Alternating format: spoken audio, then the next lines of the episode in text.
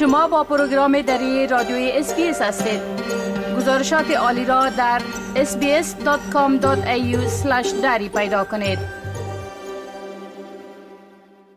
پال جاوید روستاپور خبرنگار پروگرام دری برای جنوب آسیا درباره تازه ترین تحولات در ارتباط به افغانستان معلومات میتن آقای روستاپور سلام عرض می کنم خب اولتر از همه گفتم میشه که مردم در برابر اظهارات وزیر عدل طالبان مبنی بر ای که افغانستان به قانون اساسی ضرورت نداره واکنش های بسیار شدید نشان داده. بله؟ با سلام و وقت شما بخیر. آقای شکیب بله همان گونه که شما اشاره کردین عبدالکریم حیدری وزیر عدلیه حکومت طالبان روز گذشته در یک نشست خبری در کابل در مورد اینکه آیا افغانستان نیازی به قانون اساسی دارد یا نه گفت که کشورهای کفری به گفته او به کارشان نیاز دارن قانون اساسی داشته باشند چون نظام اهلایی ندارن و اگر قانون اساسی نداشته باشند برای پیشبرد نظام و اداره خود چه خواهند کرد؟ در کشورهای اسلامی به گفته او قرآن قرآن سنتی که پیامبر و فقها به گونه کل و جز اساسی و متن قانون اساسیشان است. اما حقوقداران در واکنش به اظهارات او تاکید می‌کنند که تمام کشورهای اسلامی در قرن 21 قانون اساسی دارند و بدون قانون اساسی ناممکن است که اداره حکومت و امور را پیش ببرید به باور حقوقدانان قانون اساسی یک سند ملی است و وجود آن برای سازماندهی امور ملی و بین یک کشور و فراهم ساختن چارچوب آن ضروری است. اما گروه طالبان می‌خواهند که با ایدئولوژی خود بر مردم حکومت کنند. به همین ترتیب شمار زیادی از کاربران شبکه اجتماعی هم با این اظهارات واکنش دادند و گفتند که این گونه اظهارات یا نوع بیخبری مطلق است و یا که طالبان دارند به شعور سیاسی مردم افغانستان میخندند و بازی می‌کنند و آنچه دلشان می‌خواهد به اساسی از او بر مردم حکومت می‌کنند. در همین مورد هم زبیلای مجاهد ما خواسته این اظهارات را اصلاح کند سخنگوی طالبا.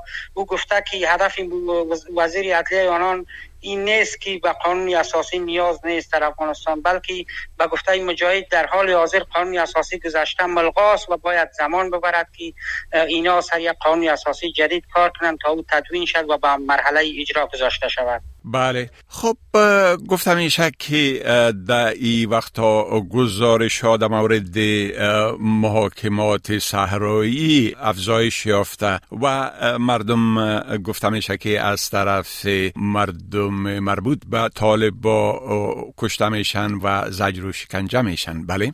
دقیقا نشر کلیپ ها و ویدیو هایی که محاکمه سرایی ولایت کوب مردم توسط طالبان را نشان می‌دهد. نگرانی های از نقض حقوق بشر در افغانستان را تشدید کرده. روزانه حداقل سه تا ده کلیپ کوتاه نشان داده می شود از افراد طالبان در شبکه های اجتماعی که مردم را لطکوب می‌کنن و با بحان های مختلف مردم را محاکمه می‌کنن. این مسئله واکنش برانگیز شده از جمله کمیسیون حقوق بشر افغانستان که در بیرون از افغانستان فعالیت دارد. گفته که ویدیوهای مختلف از لطکوب باشنده ها مناطق مختلف افغانستان از سوی طالبان در صفحات اجتماعی نشر می‌شد که این اقدام و این عملکرد نظر به قوانین ملی و بین المللی جرم پنداشته می‌شد شهرزاد اکبر رئیس کمیسیون گفته که این نوع برخورد موجب نارضایتی مردم و فاصله گرفتن بیشتر از بیشتری مردم از طالبان می‌شد همچنان آگاهان می‌گویند که نبود یک ساختار قانونی و منظم مبتنی بر قانون باعث شده است که نیروهای طالبان به صلاحیت خود دست به مجازات مردم و محاکمه بزنند. به تازگی کمیسیون حقوق بشر افغانستان که هرچند تشکیلاتی را طالبان پس از تسلطشان لغو کردند و در بیرون از افغانستان فعالیت دارد. در گزارش سالانه اش گفته که از 15 آگوست سال 2021 تا 15 آگوست امسال یعنی 2022 این در گزارش فهرستی از موارد نقض حقوق بشر توسط طالبان را نشر کرده که شامل قطع دست، شلاق زدن، سربریدن، تیرباران کردن، به دار سوزاندن جسد، حتک حرمت، لط و کوب، اختطاف، گروگانگیری و قتل های هدفمند و کوچای اجباری را در گزارش درج کرده. که شامل 28 صفحه است گزارش و گزارش در کل این موارد ذکر شده مربوط به افراد گروه طالبان ثبت شده است که از سوی اونا انجام شده بر مردم افغانستان. بله. خب گزارش ها میگن که دکاندارای بازار زنان در قندهار دست به اعتصاب زدن. می‌تونین بگوین که اونا چرا به اعتصاب دست زدن؟ دکانداران بازار زنانه کوچه رنگریزان شهر کندهار علی دستوری ریاست امر به معروف این ولایت روز گذشته اعتراض کردند. این فروشندگان پس از زور روز دوشنبه دکانهای خود را بستند و تظاهرات کردند. و به دلیل از اینکه چند تن آنان توسط اداره امر به معروف طالبان بازداشت شدند و همکنون در بازداشت به سر می‌برند. چندی پیش فروشندگان این محل از سوی ریاست امر به معروف برایشان دستور داده شد که اجازه فروش اجناس و کالایشان را برای زنان ندارند و نباید به زنان یا اموالشان را بفروشند. در حالی که این بازار معروف به بازار زنانه است و تمام اجناس و کالایی که دکانداران در دکانهای خود دارند همیشه زنانه است. از قبیل بکس کالا وسایل آرایشی و هر چی که است دیگه. یعنی بازار معروف به بازار زنانه است. این مسئله سبب از این شد که یا دست به تظاهرات بزنن و فعلا هم به رسم اعتراض هم دکانهایشان را بستن و هم گفتن که به کابل میآیند تا به وزارت امر به معروف حاضر چی می‌کنن شکایت می‌کنن. این در حال است که روز گذشته در بلخ هم شماری از دکانداران اعتراض کردند و گفتند که طالبا برای از او گفتند که اجناسشان را به زنانی که به حجاب هستند به فروش نرسانند. در ولایات دیگر هم گزارش می‌شد که مامورین امر به معروف به دکانداران گفتند که زنان را به داخل دکانهایشان اجازه نتند و به اموالشان را نفروشند. این مسئله سبب اعتراض سرتاسری به گونه شده نه تنها در بلخ و کندهار. بله.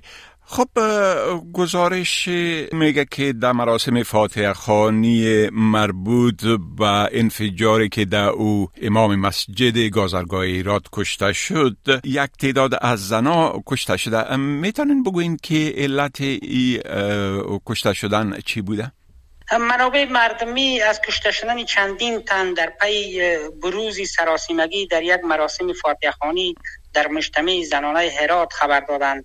به گفته منابع که شمار جانباختگان در این مراسم فاتح خانی مجتمع زنانه هرات به نو تن می‌رسد و این رویداد زمانی اتفاق افتاده که مراسم فاتح خانی جریان داشته و یکی از خانم هایی که وارد سالن شده گفته که یک انتحاری در اطراف این سالن آمده جابجا شده و قرار از خود را انفجار بده این مسئله سبب سراسیمگی زنانی که در این مراسم حضور داشتن شده و در دروازه سالن